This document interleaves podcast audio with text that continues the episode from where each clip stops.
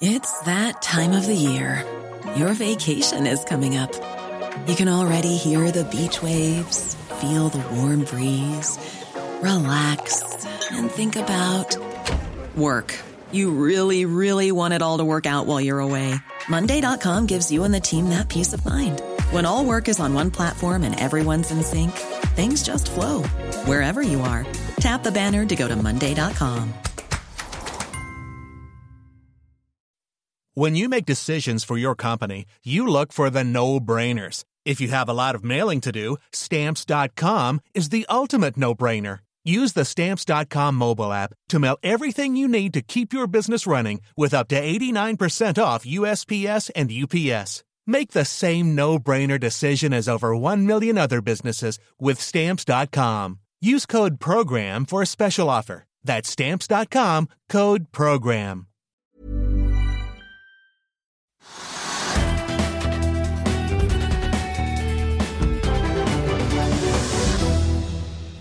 Velkommen til Økonominyhetene. I dag på besøk av analytiker Andreas Bertheussen i Kepler Chevrolet. Vi begynner her hjemme kort med Oslo Børs.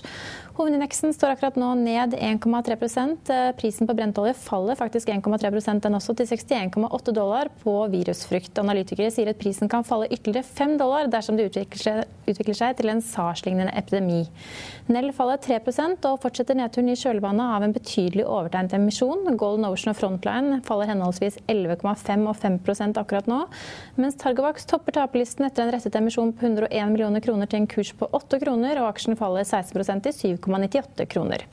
Nå over til andre aksjer som det også har vært stor volatilitet i den siste tiden. Velkommen til oss, Andreas Bertheussen i Kepler Chevrolet. Du har bl.a. dekning på Rex Silicon. Og der har det skjedd mye. Vi har fått Jens Ulltveit-Moe ut av aksjen. Vi har fått Kjell Inge Røkke inn i aksjen. Vi har fått en fase 1 handelsavtale, men ingen fjerning av straffetoll på silisium. Hva tenker du nå? Ja, det er, det er, sant. Det har skjedd mye i aksjen. Ehm, det er jo en omdiskutert aksje. Ehm, det er et, ehm, et selskap som har drømt i ja, fire-fem år om å få tilgang til Kina igjen. Og, og, man trodde at man kom til å få det nå på handelsløsning fase 1. Så kom da denne nyheten om at eh, Kina forlenger straffetollen med, med, med, fem år på 57% som i alle praktiske formål vil si at REC ikke har tilgang til Kina. Da er vi liksom tilbake igjen til der vi var. Eh, jeg har jo ment hele veien at det spiller egentlig ikke noen rolle om REC får tilgang til Kina eller ikke. Eh, fordi mye har skjedd på de fem årene REC har vært i praksis utenfor Kina. Eh, viktigste to tingene. Det har vært en enorm økning i det som heter monokvalitets polysilicon. Så det ikke alle er klar over, er at før var det altså høykvalitets monopolysilicon, noe REC ikke lager. Eh, før var det 20% av markedet, eh, så sent som i 2017. Nå er det 70% og i neste år kommer det til å være 80-90% Så det produktet REC lager, er ikke engang det kineserne vil ha. Eh, I tillegg har det kommet massiv ny kapasitet i Kina. Så altså, kostnadskurven har jo halvert seg. Så hvis rekka hadde oppgradert til en monokvalitetsprodukt, så hadde det fortsatt slitt med å være for dyr. Så i min bok så kursutslaget REC eh, i lys av handelskrigløsningen, det, det, er ikke rettferdiggjort. Derimot så er det faktisk det at Aker kommer inn, eh, en, noe jeg mener er positivt for aksjen. Ja, for det sendte jo aksjen voldsomt opp før jul. Det var jo en enorm interesse for det. Nå har det vært spekulert i hvorfor Aker har kommet inn, av uh, ulike årsaker. Men, men, uh, men det har jo åpenbart vært med på å dra aksjen videre. For denne handelsavtalefasen fikk vi ikke nå før etter nyttår. Og, og det, ja. Hovedgrunnen til det er fordi at uh, man har jo er, altså Mange tror at REC handler først og fremst på Silicon og Moses Lake, men de har jo en annen asset, Butte, der de lager silangass. Og, og det er en veldig verdifull asset. Og før Aker kom inn, så lå det egentlig an til at de skulle selge den for å, for å forbedre likviditeten i selskapet. Uh, på mange måter en sånn fire sale med en fire sale-pris, og på et tidspunkt hvor inntjeningen i den divisjonen var ned 20 Eh, det var grunnen til at jeg tok aksjen til Reduce. Jeg tenkte nå, nå får du ikke engang fullverdig verdi av det du har som er bra. Eh, med Aker inne så kanskje du kan vente med det salget. Vente til inntjeningen er kommet opp igjen, få en bedre verdi av dette, dette selskapet. Og, faktum er det at eh, det er egenkapitalverdier i REC. Det er bare at det er en, en, svakhet med likviditet. Og med en sterkere eier på siden, sånn som Aker, som kan kanskje være med å funde opp små penger for å holde opsjonene om, eh, om disse asset-verdiene i live, så kan du fort rettferdiggjøre ja, opptil fire kroner, kanskje fire og en halv i rekk. Um, men uh, Og i dag står den i Skal vi se om jeg kan finne den her. Nei, den roper ikke ut. Den har blitt 3-3, tror jeg. Ja. Den var jo oppe, var den ikke oppe over fem? Den var oppe over fem ja. man trodde at man hadde tilgang til Kina. Ja. Um, så igjen så tror jeg det er, bare, det er en misforståelse at tilgang til Kina er det som er viktig for aksjen. Det som er viktig for aksjen, er hvor mye uh, de kan få for Butte. Men du har jo kalt dette prestisjeanlegget som er inne på Moses Lake for et blødende sår. Det høres ikke bra ut. Hvorfor ikke kvitte seg med dette? Det er ikke så enkelt som å kvitte seg med det. Altså, du kan ikke bare gå vekk fra et stort kjemisk anlegg i USA. I hvert fall i disse miljøfokussider så, så vil det koste deg å stenge dem og gjøre dette ryddig. Jeg vet ikke hva prislappen er på det, men dette er et selskap som taper 20-25 millioner dollar årlig i kontantstrøm.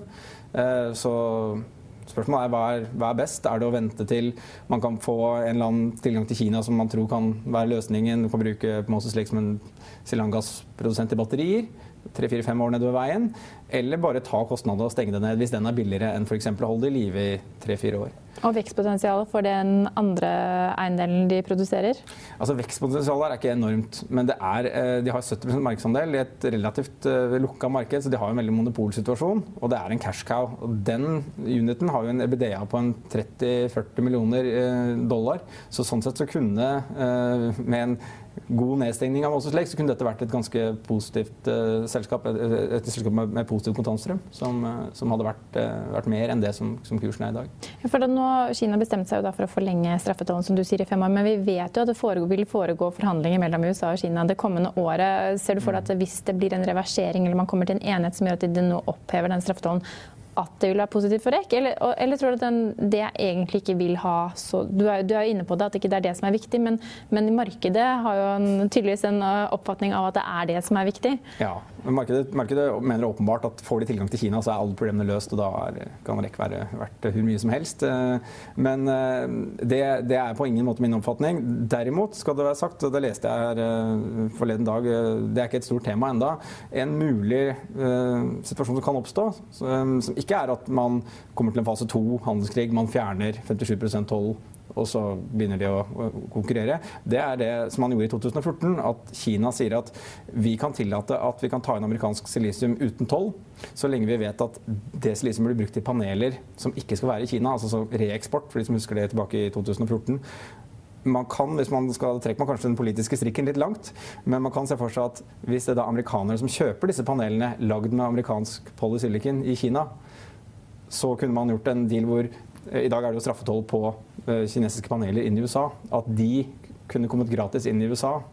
Og polysilicon som du lager, de kunne kommet gratis inn i Kina. Mm. Da hadde du fått en etterspørsel i USA og en flyt av amerikansk polysilicon inn i Kina, som kanskje hadde også gjort at selv om ikke den polysilicon er like konkurransedyktig på kost, at totalbildet her kunne kunne fungert. Kunne det er et, det er et marginalt bullcase i REC som jeg tror ikke ligger uh, så mange, så mange analyser per i dag, men som er en ja, det er, en, det er, et vindu eh, som er oppe eh, for en sånn løsning. Men du mener at aksjen er verdt 4-4,5 kroner. Nå står den da litt over 3 kroner. Men du har en salgsanbefaling på aksjen. Hva eh, betyr det at en salgsanbefaling er jo ganske klar. Du ser ikke noe å eie akkurat nå. Hva, du, nå går vi jo inn i en kvartalssesong. Mm. Ser du for deg at du kommer til å gjøre noen endringer, eller? Jeg, jeg, må, jeg, må, vurdere det som eh, Jeg har en target på 3 kroner og 10 øre og en reduce. Uh, og den er fordi at ja, det er sånn at du kan rettferdiggjøre hvis du sier at her er, her er verdiene i rekk, og her er gjelda, du trekker fra verdiene av, av fabrikkene fra gjelda, så kan du komme fram til en egenkapitalverdi i størrelsesorden ja, 4 kroner pluss. Det kan du fint gjøre, kanskje mer enn det òg. Eh, men så er spørsmålet uh, hva gjør du med de pengene hvis du selger Butte og du på en måte realiserer alle disse verdiene og du bruker det til betalende gjeld, sitter du med en cashbeholdning, men du har et Moses Lake som hvert år senker den cashbeholdningen. Så jeg er ikke, selv om jeg ser teoretisk verdier av egenkapitalen som er høyere enn kursen i dag, så inntil jeg vet hva løsningen blir for dette blødende såret, da, eller denne fabrikken som hele tiden trenger konstant påfyll av penger, eh, så er det ikke sikkert at man klarer å faktisk få tatt ut de verdiene. Og inntil jeg ser svaret på det, så si at dette er ikke en aksje du skal eie, du skal eie andre aksjer som, eh, som har bedre forutsetninger. REC faller under det dere kaller renewables, og du har vel også andre aksjer innenfor den sektoren. Er det noen caser der som er mer spennende enn REC? Ja, eh, altså REC er jo veldig spennende, det er helt sikkert. Eh, men eh, hvor det kanskje er tryggere eller mer oppside. Eh, Skatek er jo naturlig å, å, trekke fram, som også følger eh, riktignok i mitt eh, kursmål nå. har jo vært vanvittig sterk og er jo en, en kjempehistorie for de som som, som, søker den typen grønne investeringer. Bra track record, bra management, bra forretningsmodell. altså Den, den har hele pakka. Og det er en grunn til at den handler til en sånn premium, sånn som, sånn som vi ser nå. Men den priser jo inn at vi skal lykkes på dagens på måte, vekstbane fram til 2023. og Det er ikke veldig mange selskaper du kan si at priser inn det i dag. Samtidig er det et selskap som du kan tro på at skal ha suksess lenger enn 2023, i den virkeligheten vi har nå med så mye sol som skal bygges over de neste 40 årene, så er det jo nettopp Scatec. Og da hvorfor ikke trekke strikken lenger. Der er der diskusjonen ligger i. Ja, på Aksjen er vel i all time high nesten hver dag. eller Den siste tiden har den nådd en rekke nye all time highs. Ja. Eh, et eh, konkurrerende meglerhus var i går ute og nedgraderte og sa at de syntes det var mye usikkerhet rundt det de holdt på med i Sør-Afrika, i Ukraina, i Vietnam. Hva tenker du? Ja, Det stemmer. Det er mye usikkerhet. De har akkurat hatt en, en stor setback i, i Vietnam. Spesielt eh, hvor man hadde store forhåpninger om at det skulle være over en gigawatt av ny vekst for Scatec. Eh, så endret myndighetene regimet fra et feed-in-tariff-system til et auksjonssystem som betyr basically at Skatek da på de prosjektene de satt og så på, eh, ikke lenger kan bare signere de på, en, på en, en, en, strømavtale som de trodde de hadde, men de må ut i en auksjon konkurrere om å få lov til å få den strømavtalen på nytt. Eh, så, så der har det vært en, stor usikkerhet som skaper usikkerhet om hvor mye selskapet kan vokse på kort sikt. Eh, men det er klart at det er part of the game for et selskap som opererer i 30 forskjellige emerging markets samtidig du vil ikke alltid ha medvind. Det er veldig lumpy. Eh, av og til signerer du fem land på et kvartal, av og til så går det et år uten. Vi husker 2016 hvor de ikke signerte noen ting på et helt år for å ha et kjempe 2017 år etterpå. Så det jeg spør meg om når jeg vurderer Skatec, er er det strukturelle på plass? Eh, er det man der? Er forretningsmodellen der? Er det for mye konkurranse? Marginpress? Jeg ser etter er det sånn at jeg tror at nå snur trenden, eller at selskapet av en eller annen grunn ikke blir konkurransedyktig, um, så kan jo man jo nedgradere på kort sikt for å si at ah, nå har den kanskje prisa litt mye og møter mye motvind. Det kommer litt an på om du har lang horisont eller kort horisont på investeringen din. Men selskapet legger frem kvartalstallet i morgen. Er du spent? Eh, vet du hva som kommer? Har du Planning for your next trip? Elevate your travel style with Quince. Quince has all the jet-setting essentials you'll want for your next getaway, like European linen premium luggage options, buttery soft Italian leather bags, and so much more. And it's all priced at 50 to 80% less than similar brands. Plus, Quince only works with factories that use safe and ethical manufacturing practices. Pack your bags with high-quality essentials you'll be wearing for vacations to come with Quince. Go to quince.com slash trip for free shipping and 365-day returns. I'll see you in court. Vi sier det ofte litt på spøk, Men for deg som driver business, er det aldri moro å innse at du ikke har laget en 100% gyldig kontrakt. Du bør ikke risikere hele firmaet ditt fordi du synes dette med kontrakter er litt stress. En avtale er ikke en avtale. Du kan miste kunder, miste venner, ja, til og med miste inntekter om du ikke lager en skikkelig kontrakt, på alt mulig, egentlig. Men vi vet det er et styr. Kopimaskiner, tregprinter og haugevis av papir. Dessuten stoler vi jo på folk her i landet. Det er ofte litt kleint å skulle be om en signatur for alt mulig, ja, for mye av styret handler også om jakten på underskriften. Det finnes en enkel måte å løse dette på, Dukkobit, en trygg, effektiv og get this, gratis måte å sikre seg en god natts søvn pluss en juridisk bindende avtale. Dukkobit-appen har de strengeste sikkerhetskrav i bunn, samt en EU-godkjent og sertifisert teknologi. Framover vil det bli behagelig å spørre du, skal vi skrive under på det, eller? Kom i gang på dokobit.no. Tenner du det på deg? Ja, altså Tallene i Skatec er aldri spesielt spennende. fordi at uh, Den delen de tjener på strømsalg, er relativt forutsigbar. Og den delen de tjener på bygging, den er mer vanskelig å spå. Men da vet du hvor mye de skal bygge. Så hvis de har tjent mindre i et kvartal, så er det bare fordi at de har ikke kommet så langt. Skal, da får du det i pengene neste kvartal. Det som er, derimot er alltid spennende på Skatec-tallene, det er hva sier de om veksten hva sier de om Er det noen nye markeder de syns er spennende?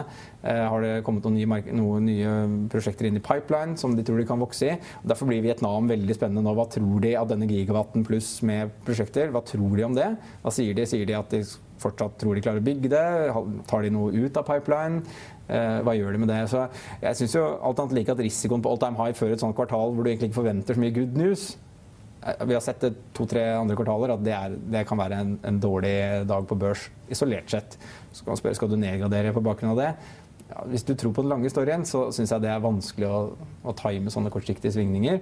Og, og jeg, ser på, jeg, ser på, min jobb mer om å prøve å spå Eh, på lengre sikt. På lengre sikt. Er, dette her, er industrien i problemer, eller er vi på vei, men at det går litt opp og ned? Men det betyr at du har en jeg har en kjøp. kjøpsanbefaling og med kursmål 130 kroner. Og i dag er vi på 133. Ja. Så, her må, Så det må skje endringer. Ja, det må skje endringer. Mm. Og, og litt avhengig av hva som skjer i morgen så vil du sikkert i løpet av kort tid finne ut om den skal da oppgraderes eller nedgraderes. Ja, det forstår, hvis jeg forstår det riktig. Du nevnte en aksje for meg når vi snakket før sendingen som heter Arise, et selskap jeg ikke kjenner til. Et svensk selskap i samme sektor. Hva slags selskap er dette? Det er et svensk vindutviklingsselskap som er 1 milliard sekk i market cap, så det faller under radaren for veldig mange institusjonelle. Men for retail så er dette høyaktuelt. og det snakket jo om liksom denne ESG-premiumen som ligger i mange aksjer, inkludert Scatec, hvor det på en måte helt åpenbart ligger en, annen, eh, en etterspørsel etter grønne investeringsalternativer. Uh, Arise er vel en av de få selskapene jeg ser som faktisk har en oppside til, til fair value, altså til, til, verdien du kan fint regne deg fram til uten å legge til grunn og se mange mange år frem i tid. Um, det er et uh, selskap som har vært uh, slitt med gjeld i mange år, hatt vinnersett som har gått konk, måtte refinansiere gjelda. og Det har vært ordentlig, ordentlig bratt for selskapet. Um, jeg tror de kommer til å betale utbytte i 2021, fordi det har, det har skjedd vanvittige ting med balansen. De har i tillegg til å eie strømproduserende assets i Sverige, så har de begynt å utvikle vindkraftverk og selge de før de er bygd. Og det koster nesten ikke noe penger å utvikle de, og de selger det for ti ganger det de putter inn. Så her renner pengene inn i butikken.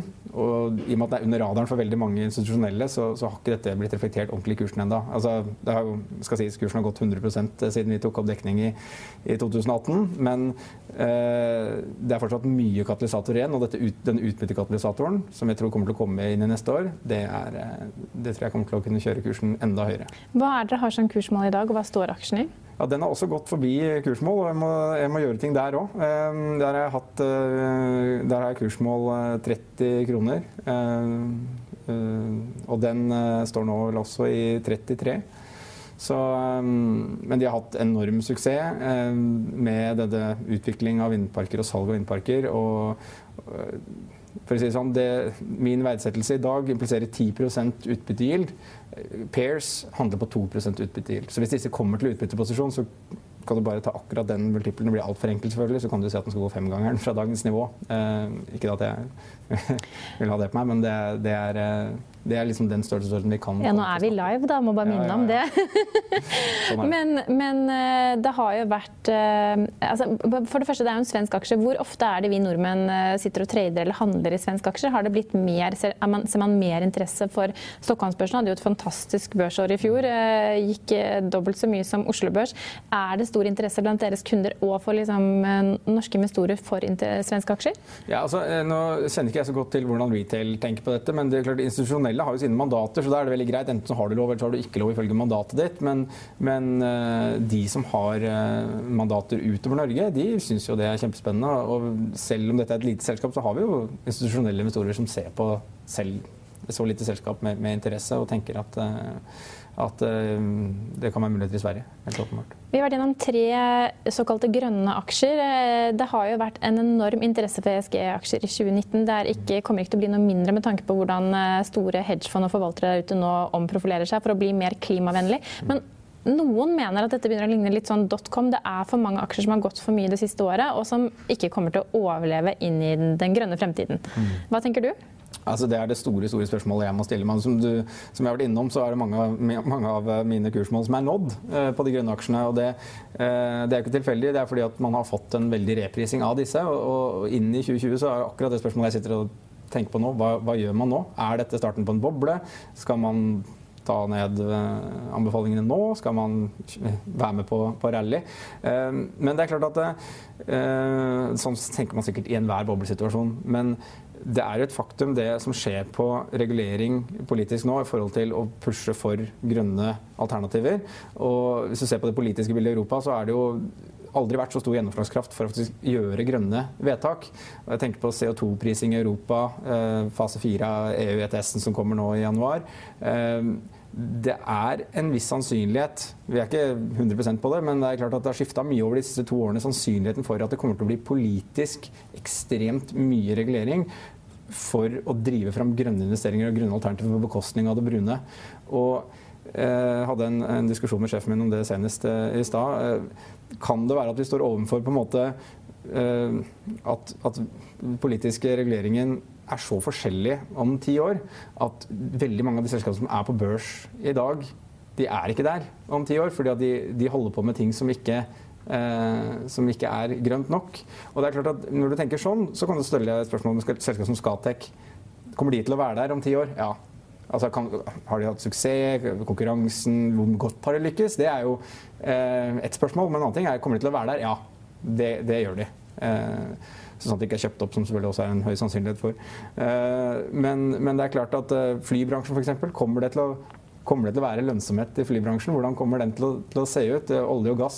Er det de som tar Yara eller Hydro eller Elkem, eller på en måte de som fyrer av og lager CO2?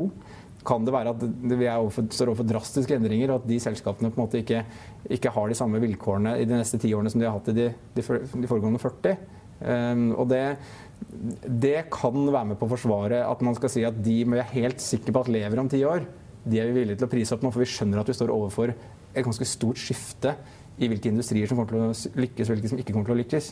Og, og det er klart at Sånn sier man sikkert i enhver boble. Det er sikkert signalet på en boble. At man uh, begynner å tenke at this time it's different, og nå skal alt endre seg. Og i den nye verden så skal dotcom-selskapene dominere. Men, men uh, i motsetning til dotcom da, så kan man jo reelt stille seg spørsmål om går verden uh, over ende nå. Det var i hvert fall mange aksjer i dotcom som ikke overlevde, men at internett overlevde, det var det jo ingen tvil om. Ja, og Hadde du kjøpt Amazon, så hadde det vist at det var jo en del av dotcom som faktisk hadde rett. Det var bare at det gjaldt ikke alle aksjene. Ehm, så... Men du nevnte et par aksjer som jeg også vet at du har dekning på. og Det er Yara og Elkem. Mm. Hva, hva, hva, slags anbefaling har du nå? Er dette noen aksjer man skal eie, eller er dette aksjer man skal selge? Ja, eh, veldig kort så ta Elkem først, som er litt enkel historie. Altså, åpenbart syklisk, billig selskap. Tror du på makro, bilindustrien, recovery, så skal du eie Elkem. Men der har vi gjort en analyse, stor analyse av hva som kommer av ny kapasitet på, på silikoner, som er den største andelen av Elkem sin butikk. Og, og vi er bekymra for at det kommer så mye kapasitet til Kina på silikoner at selv om makro skulle komme seg opp, og inntjeningen i, smelteverksdivisjonen skulle komme seg opp, så, så vil det bli veid opp av svake resultater i det andre. Så min klare anbefaling på Elkem har vært se etter andre sykliske bets. Ta heller Hydro Uh, hvis du skal være eksponert mot, mot, at verden blir bedre og Kina blir bedre. Um, og på Yara så, så, har jeg også en, en hold target 365 eh, som antall dager i året. Det er den syns jeg er vanskelig om dagen. Den er billig. Eh, pris bok 1-2. Eh, da har du aldri fått negativ avkastning på, på, eh, på Yara. Det er god grunn til å, til å, like at selskapet skal kutte Capex. Det blir bedre fri kontantstrøm. De jobber med kostnader. De har en god posisjonering i forhold til precision farming. Og, altså farming 2.0, eller gjødsel 2.0 om du vil. Altså fremtidig, hvordan gjødsel kommer til å være i fremtiden veldig mye å, å like ved, ved, Yara. Og når du får den verdsettelsen, tenker du ok, dette er en åpenbar kjøp. Problemet mitt er at uh, inntil videre så ser jeg ganske store tegn til at Kina har bestemt seg for å kutte gjødselforbruket sitt kraftig. De har hatt en politikk i fem år nå om å ha nullforbruk, økning av gjødsel. Uh, nå er det veldig mange tegn uh, som jeg leser på kinesiske gjødselsider, på at Kina kommer til å komme med en politikk som sier at vi skal ned på konsum av gjødsel. Og. Og Hvor mye av markedet står eh, Kina for? Altså, altså, hvor mye konsumerer Kina? Kina er nesten halvparten av gjødselmarkedet ja. globalt. Og, og, eh, det er eh, Hvis de skal ned på gjødselkonsum, til tross for at ikke det ikke kommer så mye ny kapasitet, så, så, betyr det at markedsbalansen ikke blir spesielt mye strammere. Prisene er lave, og da, da blir markedskatalysatoren for Yara ikke tilstedeværende. Så en hold-anbefaling enn så lenge og pysete hold-anbefaling. Eh, men jeg, jeg, har veldig lyst til å ha kjøpt. Det er bare at jeg, jeg ser ikke hva det er som skal bedre markedet på, liksom, på et års horisont. Da. Så inntil videre så sitter jeg på gjerdet. Og så får vi kanskje invitere deg tilbake etter kvartalssesongen, for det høres ut som det er flere av disse aksjene som skal gjennom en, eh, en tankeprosess i hvert fall. Og, så blir det spennende å følge med hva som skjer i Scatec Solar, men vi må altså kanskje forberede oss på at ikke det blir eh, den beste børsdagen for selskapet i morgen. Ja, hvis ikke de har noe, noe S oppi ermet på et eller annet sånn uh, nytt prosjekt som ingen vært klar over at de jobbet med, så, så er jeg redd for at det, det, blir en Vi har sett det både i Q3 og i Q4 i fjor. at det, no news er bad news. Tusen takk for at du kunne være gjest hos oss. Vi er tilbake i morgen klokken 13.30. Følg med oss igjen da.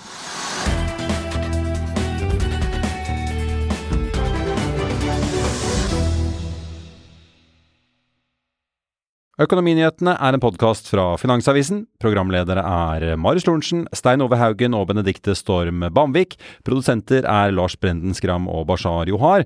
Og ansvarlig redaktør er Trygve Hegnar.